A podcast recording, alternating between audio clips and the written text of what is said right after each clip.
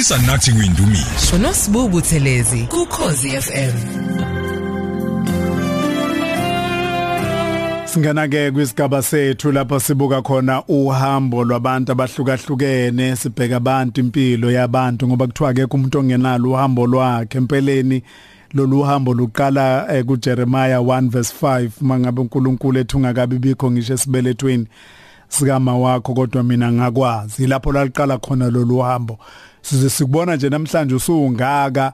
Hey kunentaba ehanjiwe kunegodi ezewusiwe kunemifula oye wadlulwa kuyo. Mawuthi uyayadla insizwa ngiyacela ungithumelele ivoice note ku 0716136667 uma ngabe usithumelela ivoice note siyacela ucime wonke umsindo seduze kwakho ukuze ikwazi kuba clean ivoice note osithumelela yona. Sikhuluma noIsrael Mkhize.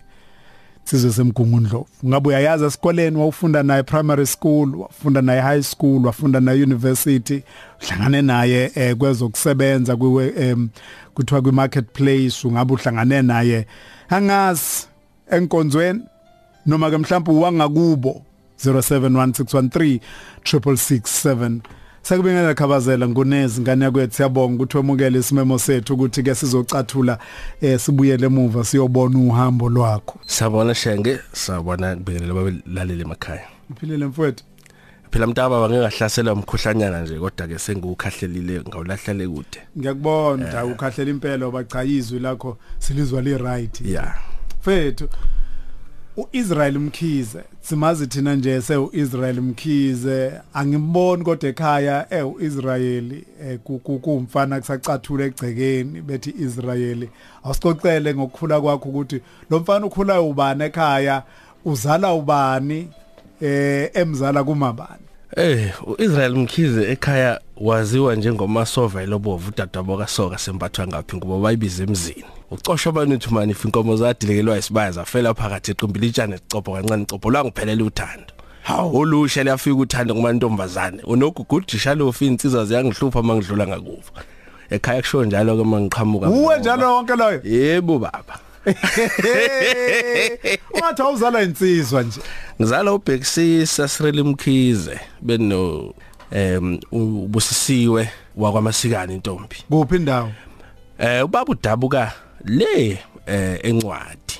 Eh ngihlala ngisho njalo noma ngiseyindaweni ezingaphandle ngithi kuthiwa where you from sir? Ngithi ngiphuma encwadi. Le koganyaza khombe kude le. Eh kodwa ke ngokuhlangana ke kusho ukuthi bagcina behlanganela endaweni yasedambuza.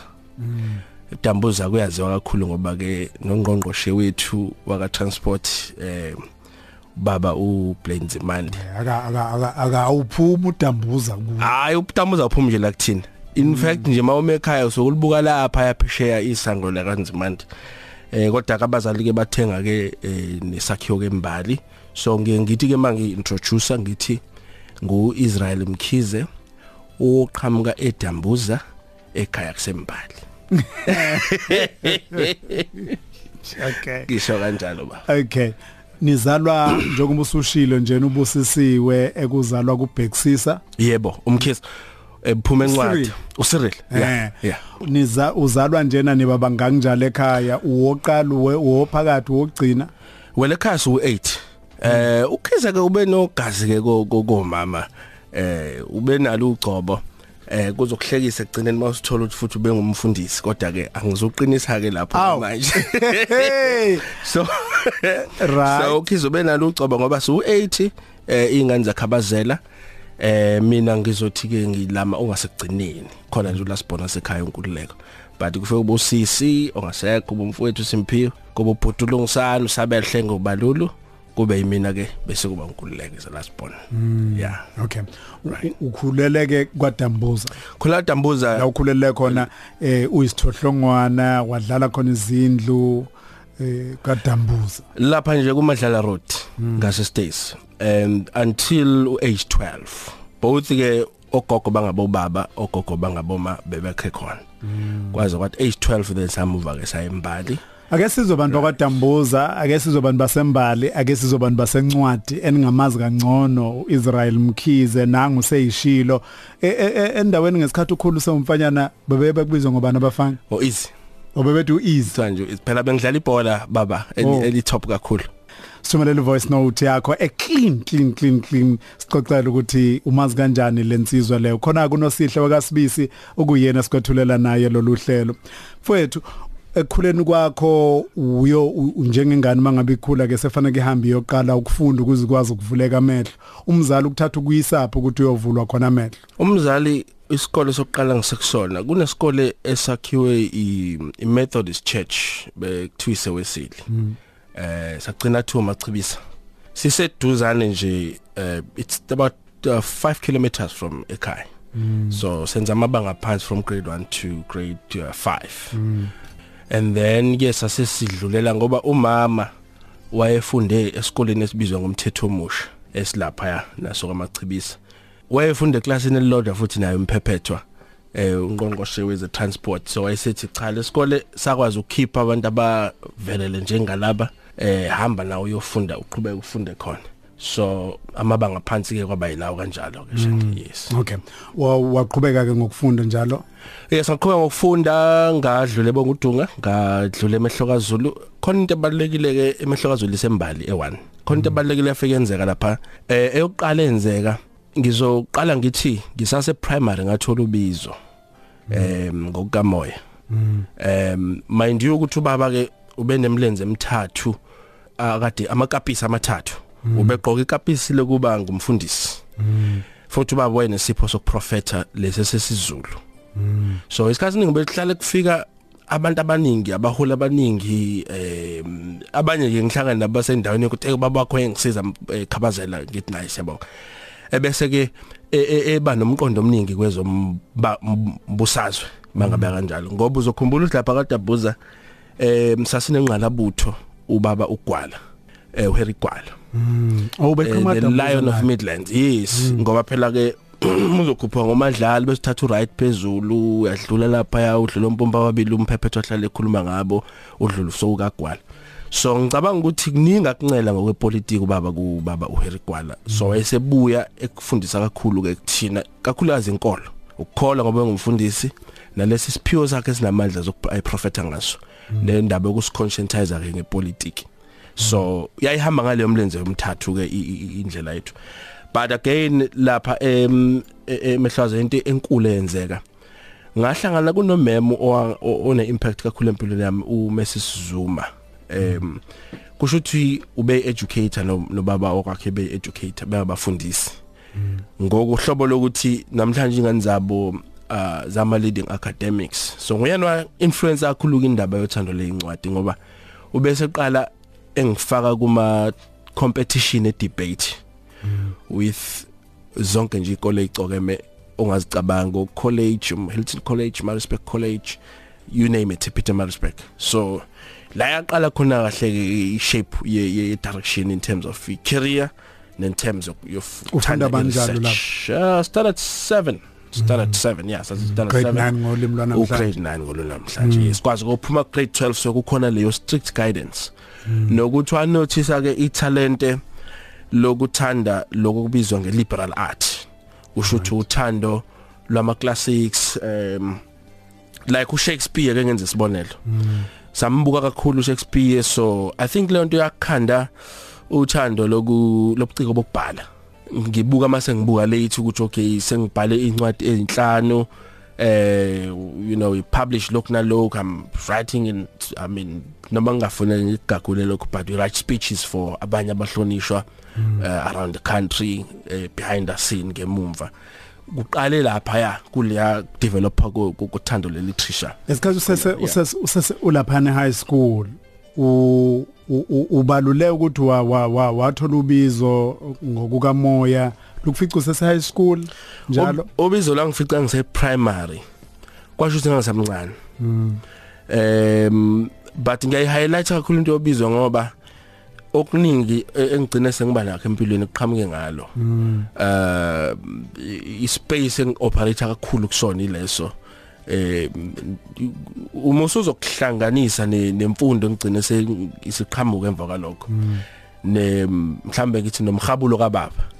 Then producer lo yamuntu ogcine sekwazi ukubamba ngolimi lwasemzini into ekuthiwa ama dialectics enkolo ama dialectics epolitics nama dialectics ezomnotho. Hey ngiyazi ukuthi umuntu ocebe kakhulu uma ngaba kuziwa kuzinto ezithinta kakhulu ulwazi nenjula yolwazi kungaba yezomnotho njengoba nokuhlala njengomphakathi kuba khona kuka kuka kwethishalakazi leliyana eh umemzuma Mm. ungasho ukuthi kukusizile futhi ukuthi ungali ungafani nabanye abafana eh intsha yathi mangabe ithola usizo ayangabe sathola ukukhuthazwa. Nokwelulekeka kahle kwezemfundo. Uthola ukuthi umuntu ubizwe lugcina agijime nala akhohlwe imfundo ashiya imfundo ngemuva. Ukuthi wena uthola umuntu okwaze ukukulekelela ukuthi ukwazi lezi zinto ukuyihlanganisa zombili. Uyishaya ikhanda shenge? Uyabona nje umemzoma wangisiza ukuthi eh uma sithi inkolo ikusave esoneni i-influencer memzuma yangisave kwinkolo ukuthi inkolo ingangidestroy. Hey ngoba baningi abantu abadestroy inkolo la eminyango em bagcwele ke kuphi kuphi angizuhlambala zabantu. But into ayezama ukuyenza ukuthi akuphaseke nasesikoleni but wazi nomhlaba wazi nama issues. Em ube umuntu ke ohamba ke labo SCM ngoba phela kusayinto sayingane encane. So ngoba into enkulu ayenze there's a book anginika yona never forget this. Ngiyazi ukuthi mhlambe usayikhohla le ndaba. Ethi no ethi lencwadi isihloko sayo knowing your sexuality ngangisayi teenager ngaleso sikhathi. Moyicabanga ke leyo nto lencwadi inkulu so ikuthatha through wonke ama stages of lento ekuthiwa early childhood development ukukhula komuntu. So ugcina usufunda ama issues ama ethics ama issues of health um, life orientation zonke lezo zinto. Eh bese uyozidebate futhi. So ugcina usu appreciate ama concept in a little bit intellectual level. So yeah ngiya ngiyifaka khulu credit ke kuyena ke umem uzuma lo bekhona ke of course nabanye. Okay. Sihleleke nensizwa la uIsrael umfoka Mkhize si sesigabeni sethu lapho sithi khona uhambo sibheka kuhambo lwayo lensizwa eh insizwa hey umuntu onolwazi olumangalisayo futhi ke umuntu ohlonishwayo kakhulu egabene eziningi ngiyathemba ukuthi bazokwazi ukuthi eh, basithumelela ama voice note abo laphana eh, ngo WhatsApp abantu balapha namgungundlova bayazi ke kangcono. Mhlawumbe ke nakhona ko goal eh nasendaweni eziningi kwaZulu Natal nakwamanye ama province lapho lensizwa ike iyadlula khona. 071 613 667 usithumelele ke i voice note yakho. Kulungile sibona ukuthi ukhona nabalaleli asibatholayo sibona ukuthi bathini. Angibingelelo khosini uSiphamandla Zondi lo eh ePretoria ongwakwamaphumulo ngokuzalwa. Hey uIsrael ukwazi wamkhize ngisengimaze nje iminyakana manje ngimazi ngokomsebenzi. Uyisikhulumo esisimangaliso nokuhlakanipha uNkulunkulu ampekona okuyisimangaliso. And uphiwe lento yokwazi ukukhuluma nabantu bebandla nabantu abangaphandle kwebandla. Eh thina nje usize kakhulu nasenkonzweni yethu. Ngokukhuluma ngokuthi ibandla lenzani emphakathini lenzani emhlabeni lenzani kwipolitiki. Ukhaliphe ngendlela eyisimangaliso hey khabazela siyabonga kakhulu ngegalelo lakho sesemncane kodwa kukhulu osazokwenza. uNkulunkulu akuphakamise nje akubuyize waziwa amazwe wonke ngoba wena uThidi Jakes wethu wakusasa. Siyabonga. Yo! Eh ayi wasilaya ke nondaba. Ngoba eh, uemotional manje lensizwa em empeleni nami bengingaba emotional eh, wena Israel.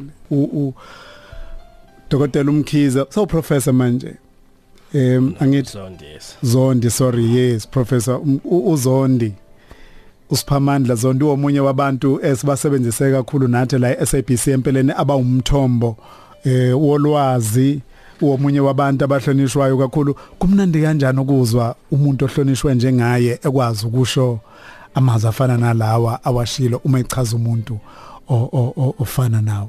Hey weshenge eh alivumi izwi lenkosi ukuthi uthwala umqhelo usaphila. Yeah so ngizomziba uzonto ngathi angimzwanga. Niyazana ke nondaba na niyazana ke nalensizwa eh nalezi zinto zenu. Eh zokuzibana kanje. Ah njengoba ngishilo nje emlalelo ukuthi eh uvele waba emotional ukhabazela ngoba okwangempela kuyathobisa ukuthola umyalezo ofana eh nofana nalona kakhulukazi kubantu abangafana eh nodokotela Siphamandla Zondi. Eh wakwaba yithutha yami engifundisa ipolitical science. u-University of Durban Westville kus- kusathiwa University of Durban Westville ngaleso sikhathi kwangawashiya ukuthi UKZN Westville campus. Fethu asale sasingena kuyo le ayibalulile. Ey uze wakufanisa nabantu abafana no TD Jakes kodwa futhi eseqale wachaza njengomuntu omthombo wolwazi nojulile elwazini. Ususitshelile ukuthi umuntu wa okuyena watshala lenhlese nalembewu kuwena. Uthisha omunye wothisha umama uNcamalala uqeda ukufunda ke high school wawusuya kuphi wakhetha kanjani umkhakha wakho wokufunda lapha ku tertiary Thema ngiqede high school ngaya e-University of Durban Westville ngiyofunda i economics. Mm. Kahlahla ngifuna iBcom ngifuna i-chartered accountant. Mm. Kwanesimana ke ekhaya kwagula umfowethu esilamana naye kanzima so to second year had to drop out. Eh ngikhumbula ngoba ubehlala nesalikazi uma ngoba bashona ngo 2000 ngo 1996 so mangibuyele emuva ngase ngiyoqedela ifundo eVarsity College Pietermaritzburg eh because besebe nobudlelwane neUnisa uh to offer degrees and stuff. So ngithuke lapho ngayo KZN ngayokwenza eKZN i mm, development studies uh from lokhu manje sethi School of Classics and Theology. Oh bekuyisifiso esikhulu wazi ukutadisha church history. Umlando Umlando wamabandla. webandla, Mm, yeah. umlando webandla. Ikakhulukazi iAfrican Orthodox ngoba zini miningi imilando. Eh yebo besiyibuka yonke at broad level. Em sithe suka ke ngagcila kakhulu u- ukubuka umlando webandla nendaba ye development ukuthi ngasiphi isikhathi uevolve kwebandla nereligion kwakuletha iphi development kuleyo community across the world. So si study Europe ukuthi mangabe ukhona i early first church yaletha iphi development kwi economic infrastructure and what have you. mm. Studies ukuthi makuzi renaissance makuzi enlightenment age makuza um lokho kuthiwa modern age. So ngiqiniseka kakhulu ngalapho so. Ukuthi utadisha ukhuluma ke emlaleli mawumuzo ukhuluma ngo renaissance ekhuluma ngo enlightenment ikhathi lezi esadlula kuzo njengabantu kufike ikhathi kuthiwe isikhathi soguquko olithile emqondweni ehlaleni kwezomnotho kwezepolitiki njalo njalo. Ilezi ikhathi ezibizwa ibizwa ngama transitions le khathi ebizwa ngama transition baphinde bazibize eh, ngama paradigm lakho ukushintsha kwezimo. Like ndeke South Yeah. Africa mangena u94 kuthatha uhulumeni omusha kababa uMandela kwakushintsha iparadigm ngakwezombanga. So bes i- i- i- i- so speciality ukucwaninga ke ukushintsha kwalezo zinto. Khona into ekikhulunywe abantu ke abathamunda indaba ze- ze- ze- zezomnotho nezepolitiki ukuthi khona i post maybe post colonial or post apartheid yini yenza kube post so so especially some analyze ama transitions. Mm. so that's a training. It comes with ukufunda i philosophy of history philosophy of uh, um, or history of philosophy mm. whichever way soqala ngakhona. So fake lokho then ngithe ngibeke sengenza ke ezinye izifundo nase University of Pretoria ngafunda ukwenza iplanning yomasipala. Ngaphinde ngafunda ke ngafunda oku specialized art or trade ebizwa ngokuthi em ngo- ngo- ngokwalelo phepha lakhona monitoring South African economy. So u- u- ku- kuba nehlelo lokulandela umnotho wa South Africa or any market. nini njalo? Nini Yabo. lapho? Eh, lokho be 2015 16 so into yamanje. Inte recent yase eh, Pretoria. yes. okusho ukuthi ububuka ke lapho um- um- uqala nini umnotho wase South Africa ukubuka njalo? Em u- ubuka ngesikhathi ngaphambili ka 1994 uqhathanisa emva ka 1994 sengisho njengomuntu Yes, yes. okubuka kwakhe kuukubuka kwezikhathi no into esenzayo ke le qualification ikufundisa amathuluzi ukuthi yiziphi izinto ozianalyzayo mawubuka umnotho weswe ungazikhethela wena ukuthi ufuna yipi epoch Oh, ngiyabona. ngizokwenza umzekeliso ukuthi eh lapha ekusasa leAfrica i NGO ka Dr Zweli Mkhize sine cause esiranayo nodakazi wakhe udokotela uNokulinda Mkhize sisuke sibuka ihistory of economic thought singayiqala nanoma ikuphi hmm. Uh, noma si mhlawumbe uthatha omunye uzobuka nje world over omunye focus kwi South African case hmm. specifically so should le le cause inika amathuluzi ukuthi so ubuka ireserve bank ukuthi ithini ubuka u status A ukuthi uthini ubuka u JSE ukuthi uthini ubuka economic lokhu and then you are able to produce a data technique ukuthi isimo somnotho sithini yeah. Ulwazi lwakho nokuba nomuzwa wobizo loliyana likamoya okhulume ngalo nokuyiyona into ekwenze wangena wajula watadisha izinto zeBhayibheli theology. Ububuka futhi nesimo senhlalo yethu kukwenze wakwazi ukuqhathanisa lokho kubize ngokuthi state and the church okusho ukuthi mukhuluma ngestate usibiza kanjani? Khuluma ngohulumeni osuke ephethe ngaleso sikhathi? Nebandla no no no. That's government law. State kusho izwe. Kusho kusho geography ne, ne population yes. Mm. nama symbols okay. Ne na yonke infrastructure engaphakathi system mm. njengoba siphila nje uno United Nations mm. ongamele amazwe so suke sitadisha ibehavior yamazwe mm. njenga nje uprofessor Zondilo be efonile yena uspecialize ukutadisha ubudlelwane bamazwe onke amazwe omhlaba mm. international relations ukuthi malimuva kanje lelizwe noma qhamuka istatement esinjeya mm. mayichitheke emhlabeni lonke yapi izo catch up imeka bese shape kanjani so it's studies njalo nolwazi olunjalo ne focus enjalo but that a a donsayo element of of uh, la ama classics ebengikhulume ngawo which is uh, history theology philosophy ne economics as as the basis. Okay. Wazi wabhala incwadi. Ngibhalile baba ngiqale ngapublisha i thesis yami honors eh ngangisizwa udokotela uSimangaliso Khumalo uprofessor manje lapha eKZN beno udokotela uLucas Ngwejana abantu bene influence enkulu especially kwimase ngise tertiary um lapha ngangicwaninga kwaphuma i-economic cluster ya government neyeqembe elibusa lakhipha igama elithi South Africa Developmental State. So eh so mangibhala mina bengifuna ukucheck ukuthi ucivil society including u religious society nama churches fanele uunderstand kanjani u development concept noma ligama lika development no developmental state fanele uunderstand kanjani. So that was my contribution kule okusho ukuthi lento echazwa ngokuthi siyizwe elithuthukayo bakuchaza kanjalo. Uhulumeni ogxambukele ekuthuthukiseni izwe.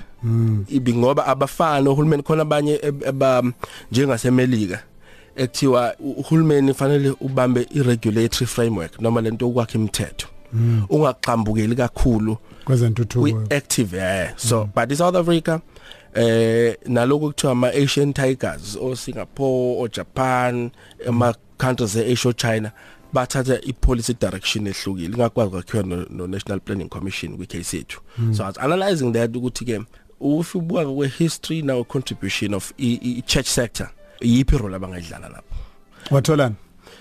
Em into engayithola ukuthi ngaqale mangingena kulolu cwaningo ngaxabana naleli gama lika development mm. ukuthi siyalidinga yini sesiliqedile indlela lika liberation mm. so ithesis yamaqalelo leyo impi leyo ngase ngiyolenda kosinye isihlakaniphi sase South America ekuthiwa uGuterres Gustavo owake wenza uqaningo naye ekhala ukuthi no asikwazi ukugcumela ku development singa asikawuqedwe liberation ngoba u development ungaba isikhathi esiningi ube capital intensive noma ube infrastructure intensive ngesizulu kusho ukuthi ungagxila kakhulu kwizakhiwo namabhilidi. Izinda eh sinemali. Nemali.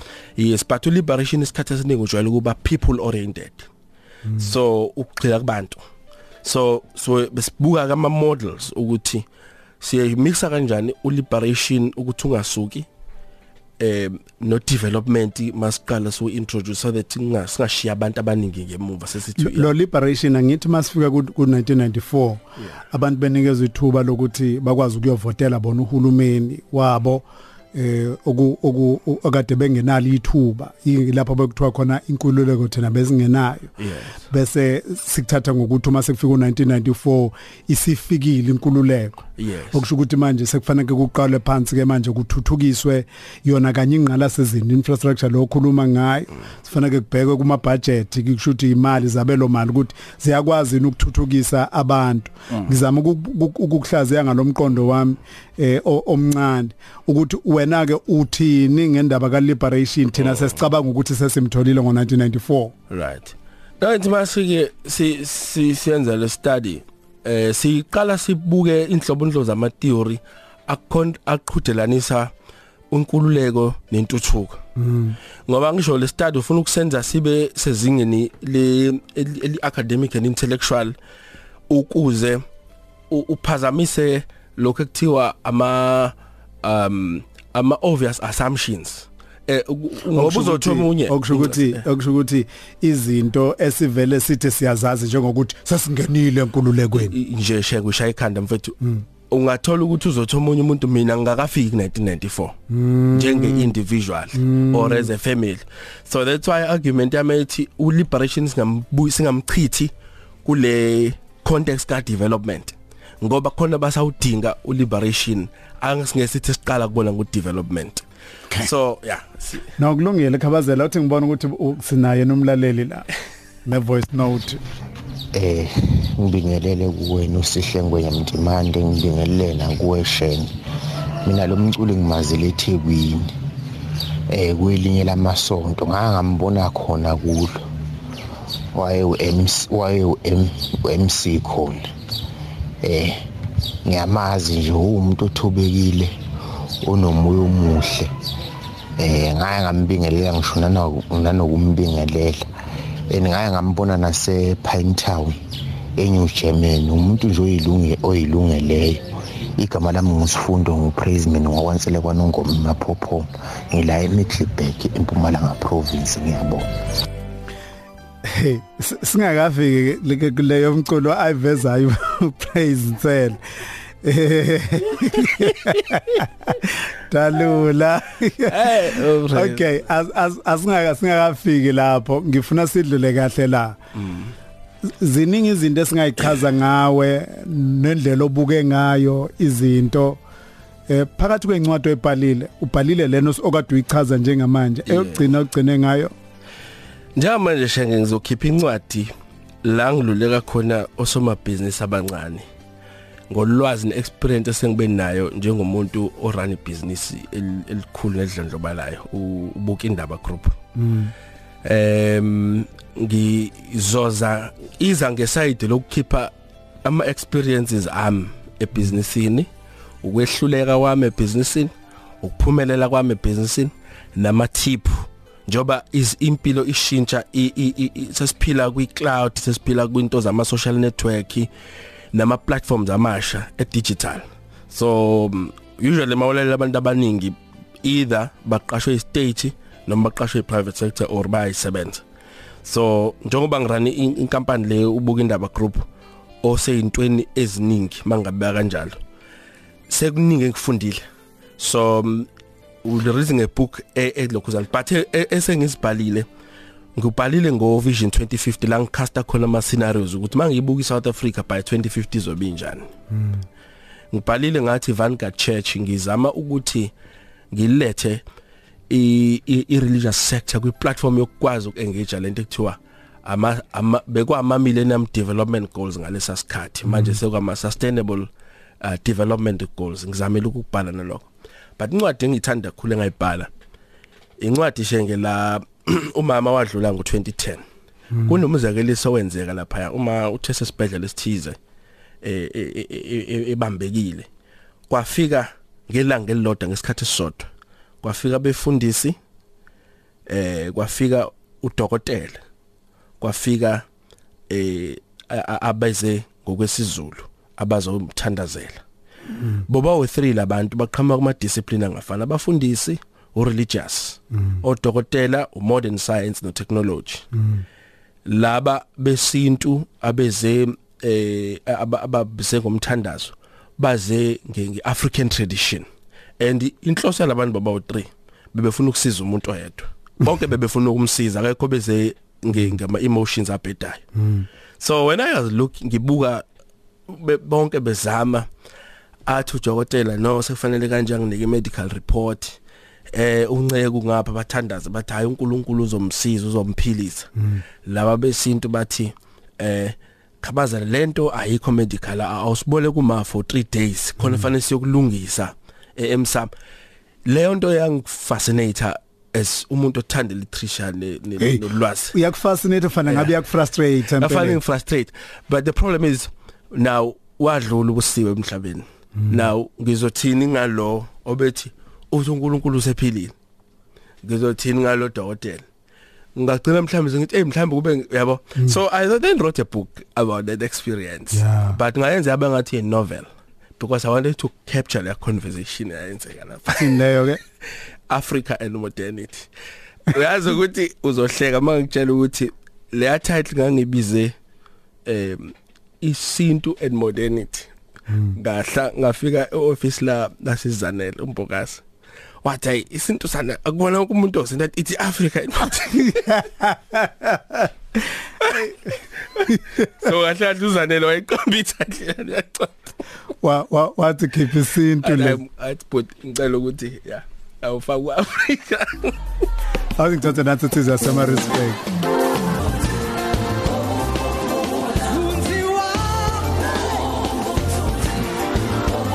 Gama lakhe ungu Ayanda wakantanzi insizwe yakhona lapha emgungundlovu cha ngithe ethi ngi- ngivele ngi- ngikitaze ngikulandele ezangakini eh mfoka khabazela ngoba kuba mnandi ukuthi eh uyabona ngikulanda ngikuvivise nezangakini insizwa kunjalo ande ntanzi ke intwana yasidladleni wakwethu umsangula.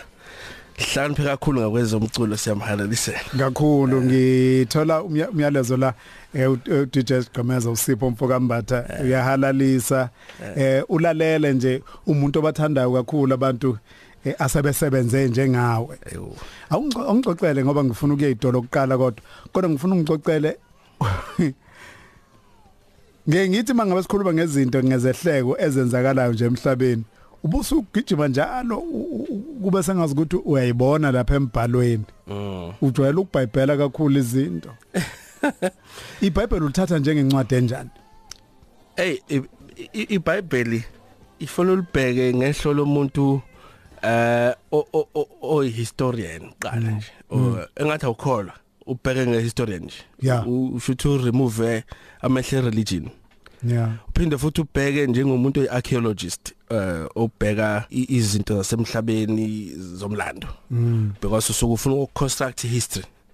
But kakhulu kakhulu bese ke ulibheka njengezilankulunkulu i think kunobaba ungiimpact kakhulu empilweni yami um usoma business omkhulu um use eh, Edendale ubaba usise lihlophe um he's um, a great businessman uh, big time makuthiwa But- nje kwahlophe lapha emgungundlovu Oh, sothiwa yeah, yena so Cheyenne. okay Yeah.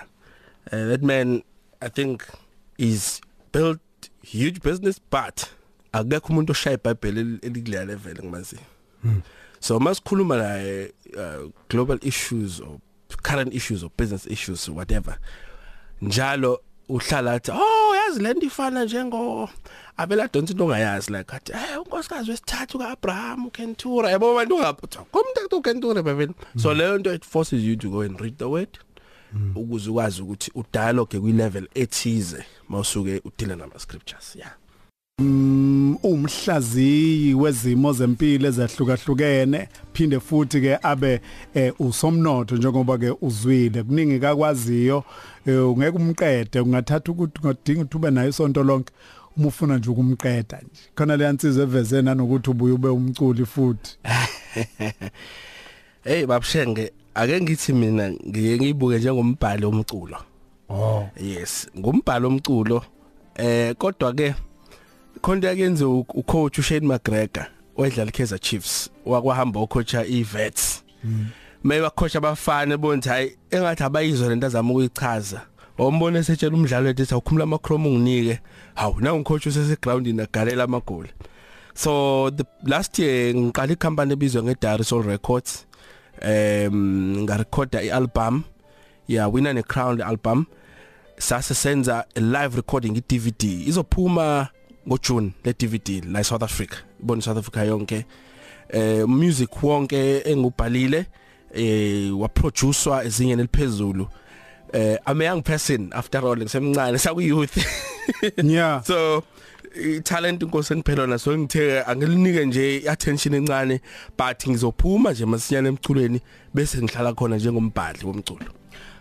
Kunencwadi oyifunde kakhulu ngiyakhumbula nje ezi ezizama ukuhlaziya zibheke sesiliphothula lo daba lethu namhlanje ngifuna ukuzwa ilaka lakho ezikhuluma mm, enye incwadi esake sayifunda kanye nawe poverty of ideas.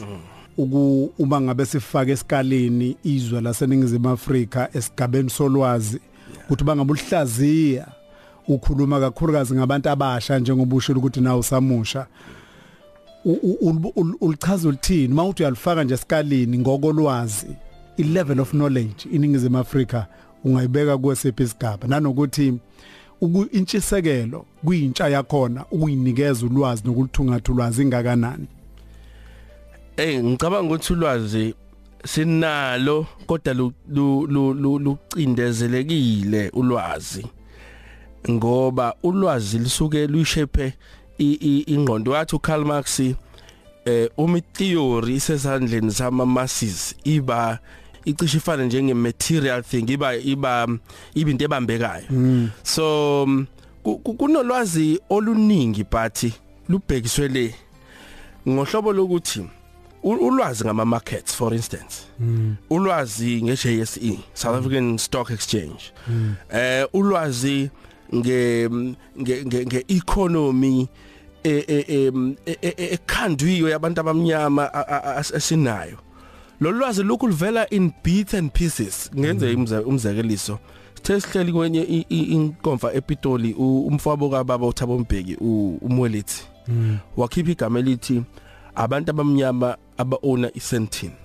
La ngihlupha lelo gama ngathi ke ke ukusho lokho based kuluphu lwazi sase sihlehla ke sibuka ama ownership packages of ama insurance companies lawa ngunge wona lo sentini sahlehla ngayibona ukuthi iclaim yakhe khole iya collaborator nolwazi but ukuthi lolo lwazi lubhekiswe lena lucashile. Uveza into ethi lezona kanye lezo inkampani zemshwalense. Ziownwa abantu abamnyama. Abantu abantu abamnyama. Ngoba yibo abama.